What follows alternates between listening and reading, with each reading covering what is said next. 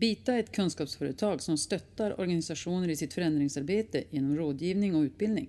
Den här podden är till för att inspirera till lärande och bidra till större kompetens inom områden som leder till en större möjlighet att förstå och hantera digitaliseringen. Det här är andra avsnittet i serien om kvalitet i en allt mer digitaliserad värld med Josefin Tunnell, managementkonsult Bita, Barbara Carreño, VD på Bita och Raine Isaksson, universitetslektor och docent inom kvalitetsteknik på Uppsala universitet, Campus Gotland.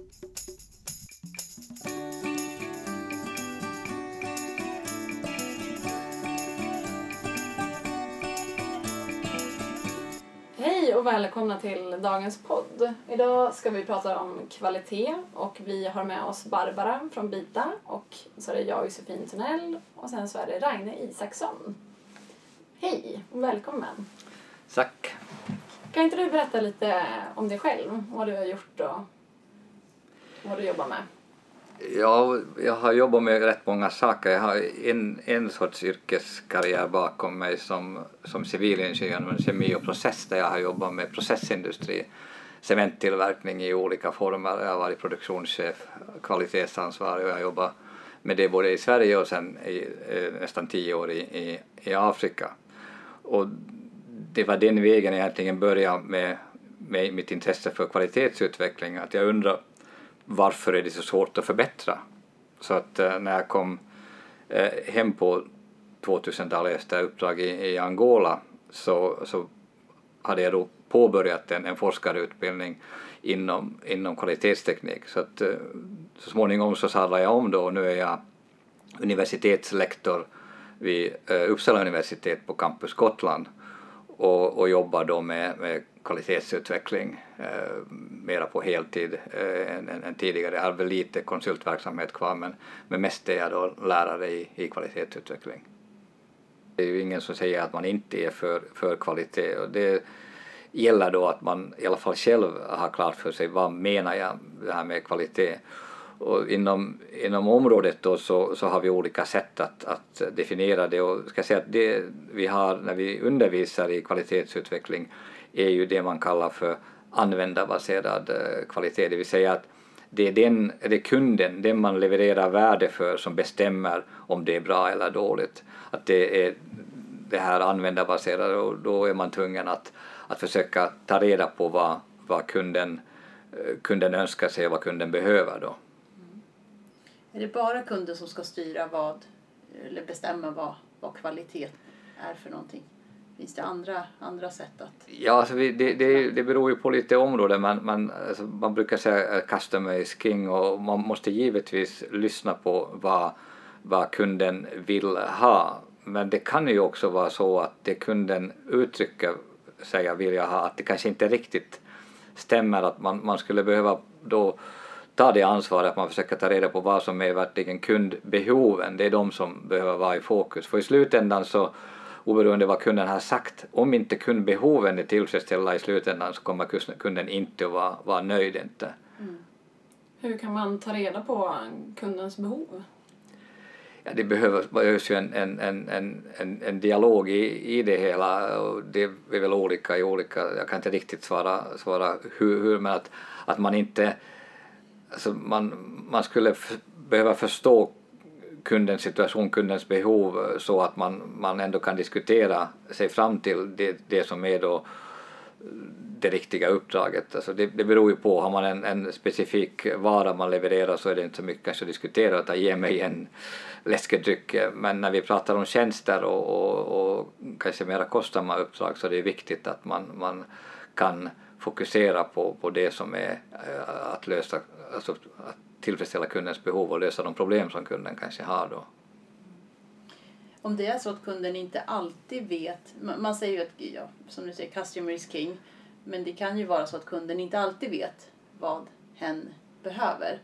Vad kan man använda då eh, för, ska man ha ett annat fokus då när man jobbar med kvalitets, kvalitetsområdet då för att, eller kvalitetsperspektivet då, för att eh, förbättra sin verksamhet? Ja, alltså med, med tjänster så, så är det ju så att kvaliteten skapas eller tjänsten skapas i en samverkan med, med kunden och, och då är det ju viktigt att man, som man kanske som leverantör då är, eller kund, kunden är medskapare av, av tjänsten och, och det, det gäller ju då att, att försöka göra, göra rätt sak och det är ju att förstå kundens behov då, att vad, vad ska kunden leverera och vad behöver kundens kund kanske så att det, det varierar ju från, från fall till fall men, men det viktiga är att, att, eh, att alltid lyssna till, till, till kunden och försöka höra vad som är kundens behov. Mm. Många sätter ju lika med tecken mellan verksamhetsutveckling och, och, och kvalitet. Innebär kvalitetsarbete alltid någon form av utveckling? Ja, det kommer man tillbaka till vad, vad definierar man som, som utveckling och, och så kvalitetsarbete, det är klart att det kan ju vara att säkerställa att man håller en viss, viss uh, utlovad uh, kvalitet och är då det utveckling eller är det bara att, att förvalta kan man diskutera. Att det kanske är så att, att eh, kvalitet också då är helt enkelt att garantera att man, man levererar det man har, har lovat. Och sen eh, hur, hur, vad som ingår i kvalitet kan ju, kan ju diskuteras. Att är det bara kvalitetsfrågor eller är det också så att det kommer in kostnadsfrågor? För ett annat sätt att se på kvalitet är ju ett värdebaserat perspektiv. Vad får jag för det jag betalar? Mm. Att ju högre ett pris är desto högre är kundens förväntningar. Så att eh, en, en måltid kan ju vara bra eller dålig beroende på vad den har har, har kostat då att mm. Eh, man får sin hamburgare för 50 kronor och den var jättebra men kostade den 500 så var den ju kass. Eh, så att det, det finns en koppling med kvalitet och, och, och kostnader och, och kanske då även då sånt som, som har med själva produktionen och kapaciteten av en process att göra. Att har man inte rätt kapacitet kan man inte leverera i tid och då blir kunden missnöjd. Så det sätt jag har lärt mig den första utbildningen jag gick inom kvalitet mm, på Högskolan Gotland 92 var kvalitets och processförbättring och då, då pratar man nog om kvalitet i ett, ett större sammanhang så att det var egentligen hur processer presterar då.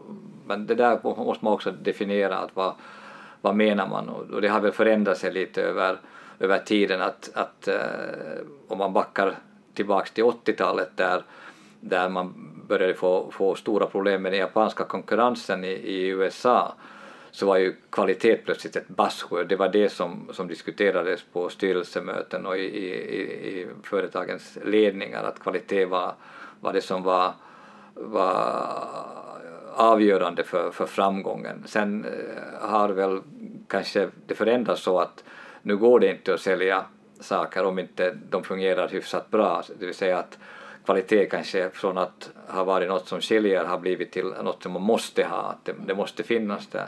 Så kvalitet är fortfarande viktigt men det kanske inte är precis just det man kan, kan sälja grejerna med. Men vi kan lägga till där ännu att, och det beror ju på återigen att vad som, som uh, ingår då i, i kvalitet. Jag brukar använda en liknelse med med eh, processer där man säger att, att den perfekta processen gör eh, rätt sak på rätt sätt och flexibelt. Så att i så fall om man tar det till kvalitet så innebär ju rätt sak att man har den produkten som kunden vill ha och då kommer man inte till innovation, man måste hitta på nya saker och där eh, behöver man ha en bra omvärldsbevakning. Det är inte så att man kan gå och fråga kunden alltid att vad vill du ha?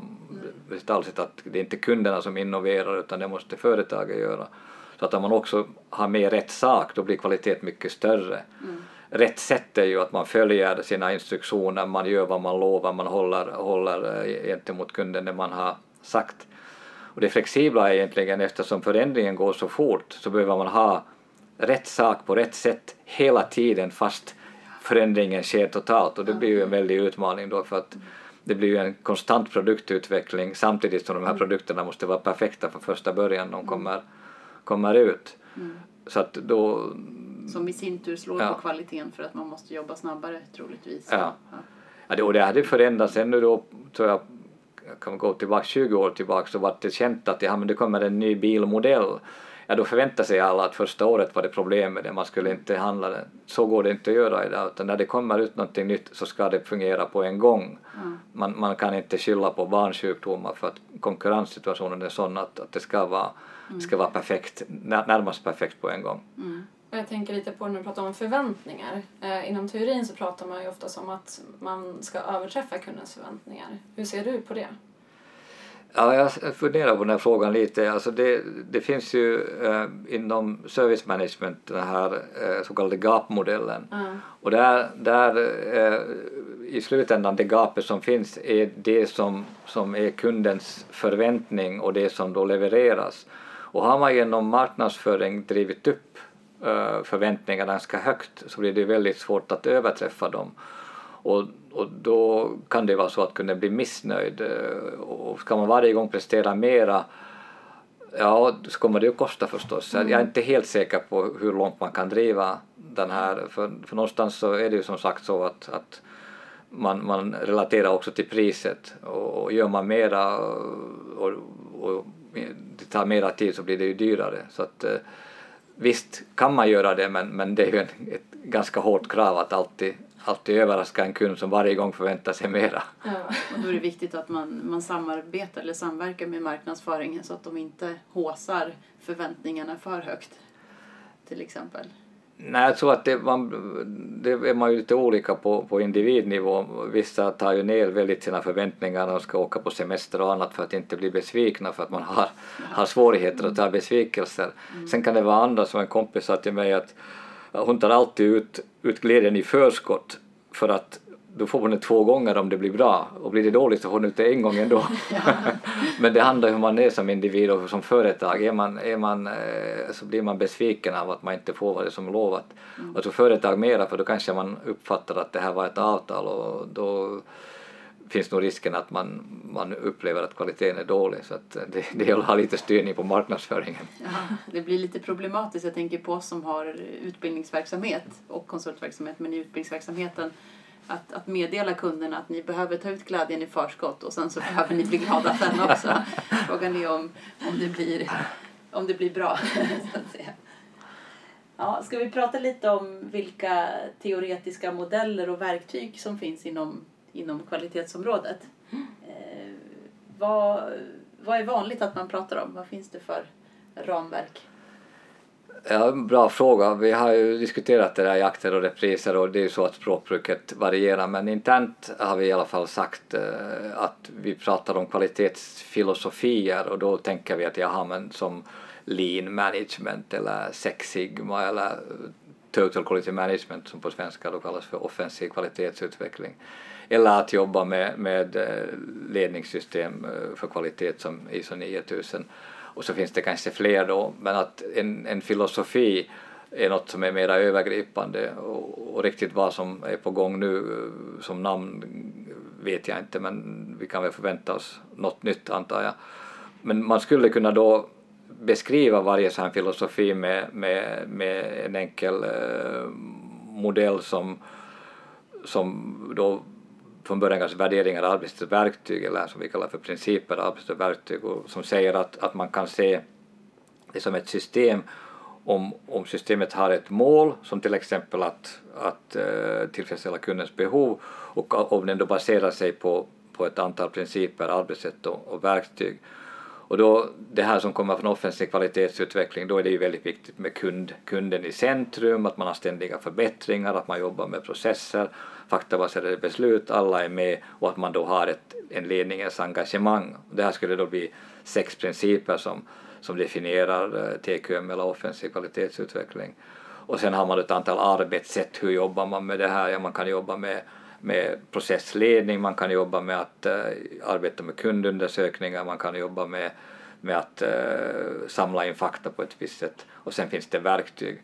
Och då, då har vi definierat ett att arbetssätt är att man gör någonting och verktyg det är substantiv, det kan vara checklistor, det kan vara program, det kan vara standarder och så vidare.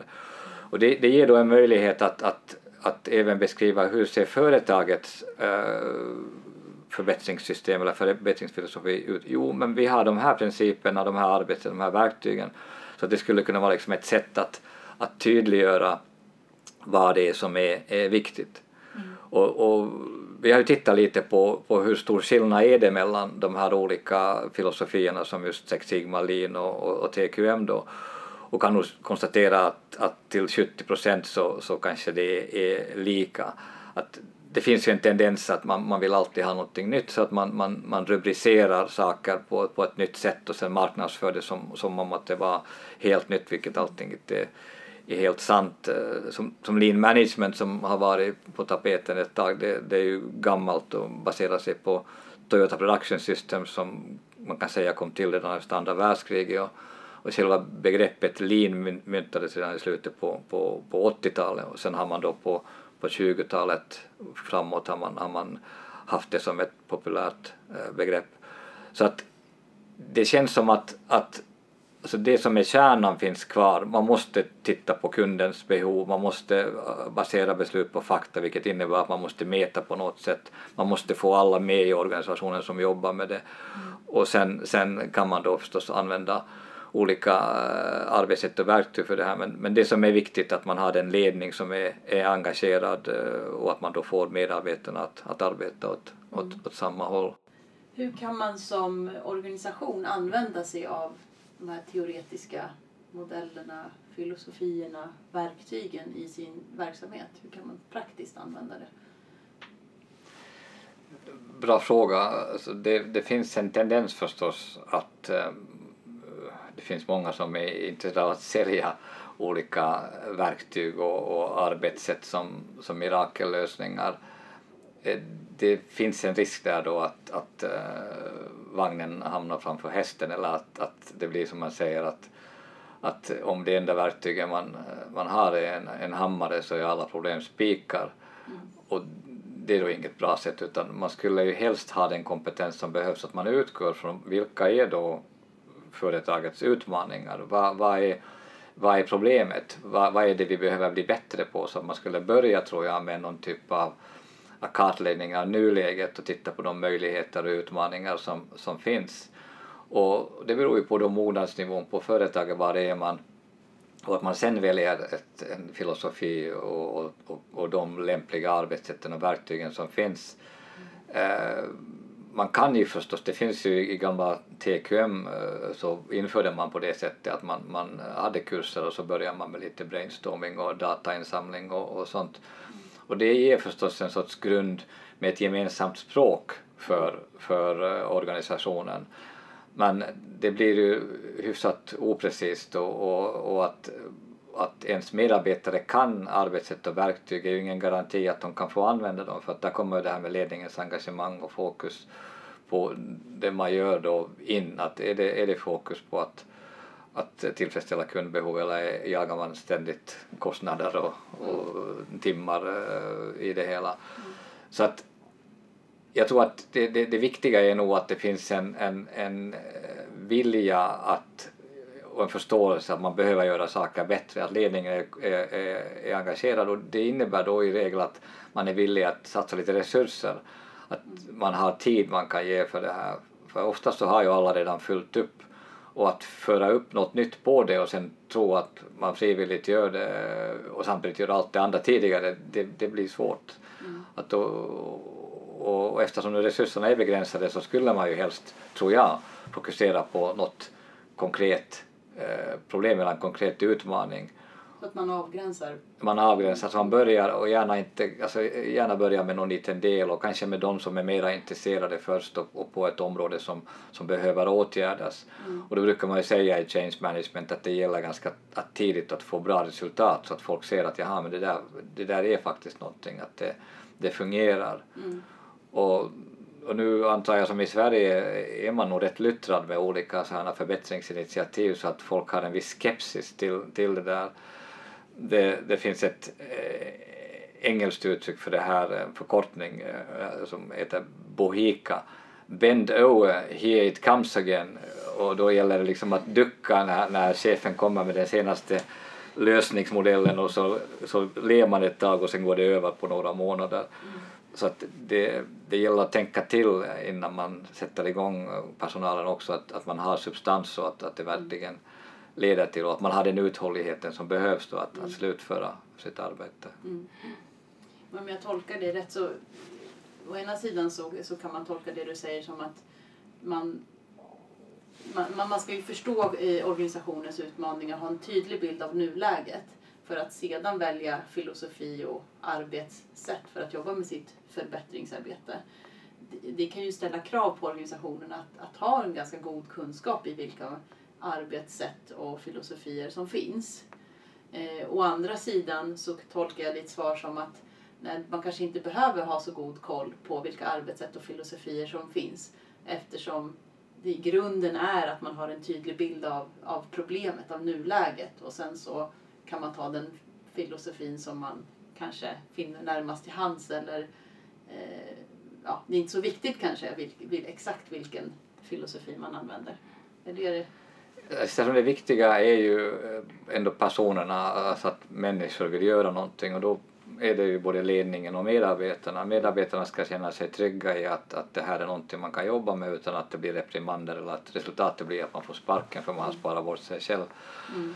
Och, och ledningen måste tro på, på det. Så att har man en bra anda, en bra kultur och, och ett intresse och att när man börjar förbättra att det hela liksom inte går ut på att leta syndabockar utan att, mm. att man, man tittar tillsammans hur man kan göra sakerna, sakerna bättre så tror jag man kommer väldigt långt med det och när man väl har riktningen glatstakad då är man kanske också en mera kompetent kund till att handla eh, hjälp i form av arbetssätt och, och, och verktyg så att eh, jag kanske säger något annat om ett år men just nu tror jag nog att det viktiga, viktiga är, är att, att, att helt enkelt fokusera på det som ska göras och att få med människorna där och sen mm. arbetssätt och verktyg är bra att ha men de i sig själv löser ingenting. Mm. Men om man ska börja prata om mätning då, vad, vad kan man mäta? Alltså vi mäter ju allting på sätt och vis, även om det är magkänsla så är det en sorts mätning.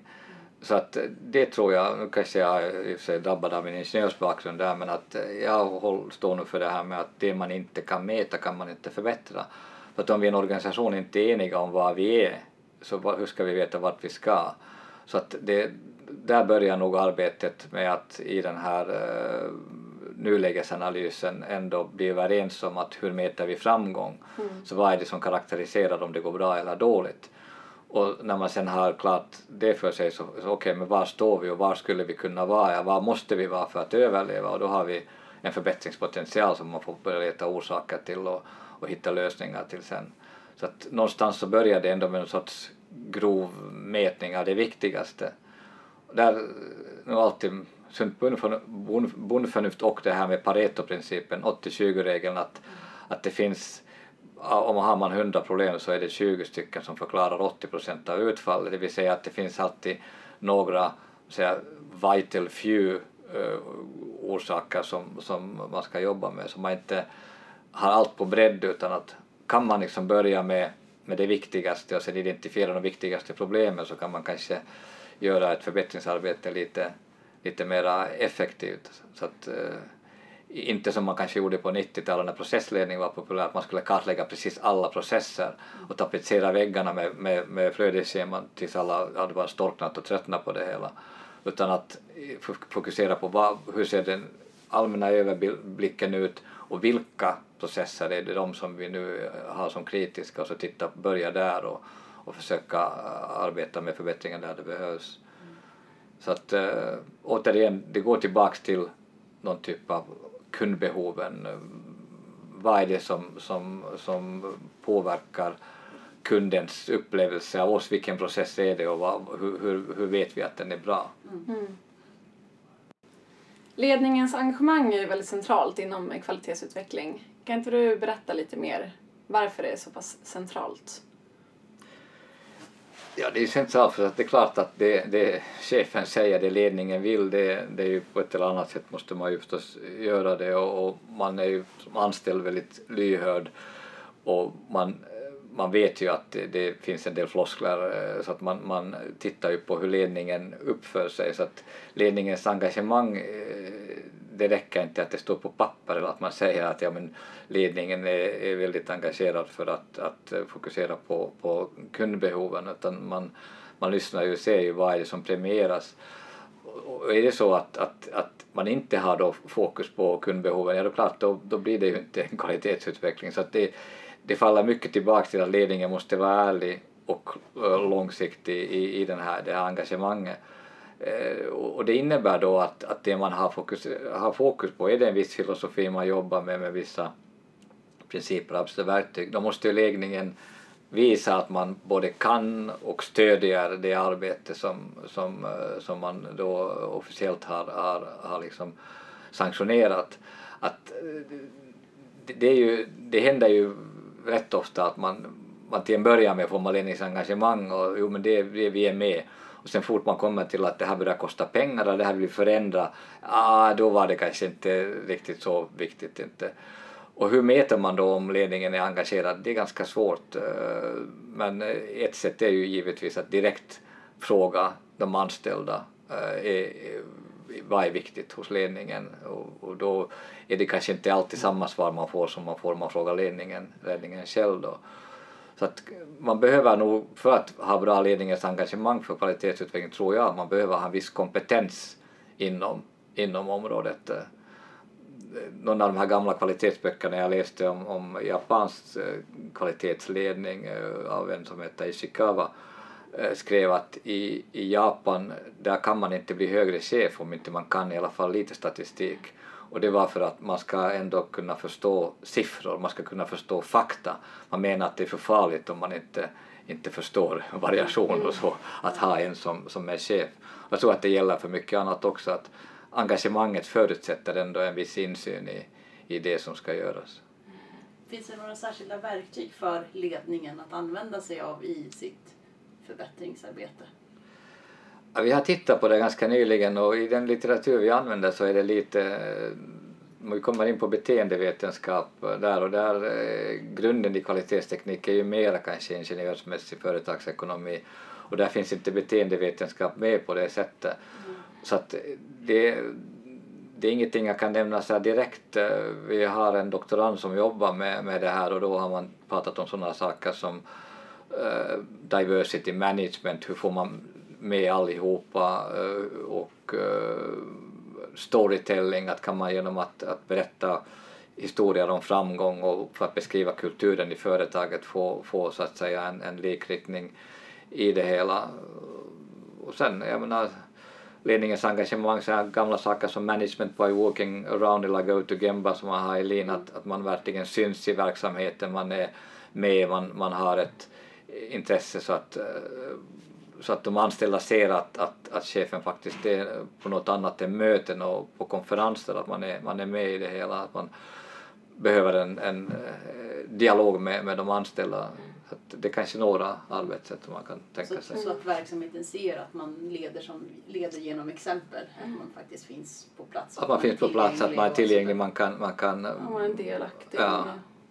Och, och, och det, man får liksom snabbt återkoppling om någonting inte, inte fungerar. Ja. Mm. Och det är okej att göra en medarbetarenkät men det gör man en gång per år och, och mm. så att man behöver kanske ha en lite snabbare återkoppling ändå. Mm framförallt i tjänsteföretag, vilket ju det blir mer och mer, så, så är ju kvaliteten väldigt beroende på att medarbetarna är engagerade och intresserade och är de irriterade och missnöjda med någonting så gäller det att få koll på det fort för att mm. kunna åtgärda det. Då. Genom att vara tillgänglig och närvarande ja. i organisationen. Ja, det är bra tips. Så får, man, få våra lyssnare spåna vidare eller lyssna vidare på eh, våra andra avsnitt som i framtiden kommer handla om ledarskap. Eh, man pratar mer inom ledarskapsteorier där också och verktyg i, den, i det fältet. Så om en organisation vill starta igång ett förbättringsarbete, hur kan man konkret gå tillväga? Vad är fokus ska vara någonstans? Alltså jag tror att det är bra att börja med det, med det specifika och sen kanske gå till det generella. Alltså att, att man, man har man exemplifierar med något område som man uppfattar att det här skulle vi behöva bli bättre på eller att vi, vi har någon speciell utmaning så att man, man eh, kanske har någon pilotstudie eller att man, man arbetar med, med ett konkret fall tror jag för det blir mycket lättare för alla att visualisera eh, Eh, teorin. Man, man säger liksom i pedagogik att man lär sig utifrån det man, man kan, att det, det är svårt att, att teoretiskt få en modell först och sen ska man gå ut och tillämpa. Det är bättre att börja med själva tillämpningen och de utmaningar som man har och sen kunna, kunna liksom säga att jaha men det här kan vi beskriva på det här, det här sättet.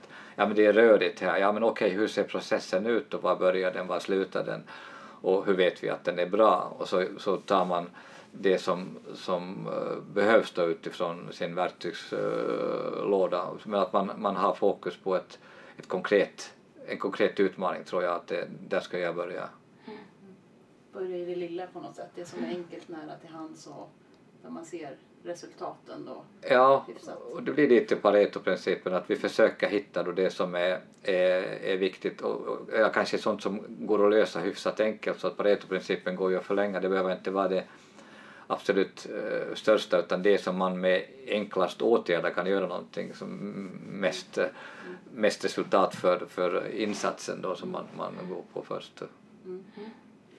Har du några andra bra tips eller framgångsfaktorer till organisationer som vill bli bättre på att eh, driva sitt förbättringsarbete, sitt kvalitetsarbete?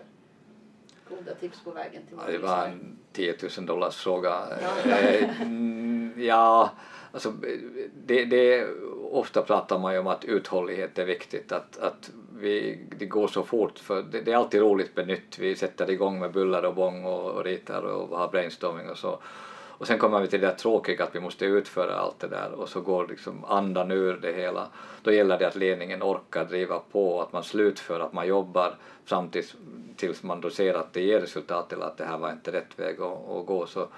uthållighet är, är väldigt viktigt och, och, det är lite svårt, man ser ju när det är täta byten i ledningen att, äh, att det, det är inte lätt att bibehålla sånt som man har har eh, uppnått tidigare. Alltså företag som har vunnit kvalitetspriser alltså så byts ledningen så kan man vara väldigt långt ifrån det var inom loppet av ett eller två, två år. Och vi pratade här lite tidigare om knowledge management och om vad som är viktigt och i en sån intervju jag gjorde så, så var det eh, respondenten sa att det han tyckte var viktigast var att på något sätt säkra knowledge management vid, vid ledningsbyte för det finns stor risk att man kastar ut eh, barnen med badvattnet. Att mm. I det vanligaste fall, min personliga upplevelse, när, när det kommer en ny chef så vill de gärna göra som de har gjort på förra jobbet. Det kanske var misslyckat på förra jobbet också men nu vill man pröva en gång till för nu ska det fungera den här gången. Och så här kan man inte ha det för att så hade vi inte på förra jobbet. Så man har kanske inte någon sån jättestor ledarskapsutbildning utan man har sin erfarenhet och det har man lärt sig på föregående ställe och då vill man gärna införa det på det nya. Mm. Och då kan det vara bra grejer som, som försvinner utan, utan förklaring. Och för de anställda blir det lite svårt då att, att liksom hänga med kanske i, i svängarna. Så att, mm. ha, ha, ha, ha, vad heter det, svår, lättare, lättare sagt än gjort kanske att man försöker på något sätt ändå när man byter ledning se till att man inte sumpade de bra, bra resultat man har mm. uppnått. Mm. Så kunskapsåtervinning eller erfarenhetsåtervinning och uthållighet? I... Uthållighet och, och, och det här just knowledge management, kunskapslagring. Så vad är viktigt mm. för oss att känna till för organisationen och hur ser vi till att det finns kvar där tillgängligt när, när nyckelpersoner uh, går därifrån mm. så man inte behöver börja på nytt och uppfinna hjulet på nytt. Mm. Superbra. Ja, jätte, jättebra slutord där. Ja, verkligen. Ja. Tack så hemskt mycket för att du ville vara med. Tack, det var kul. Tack.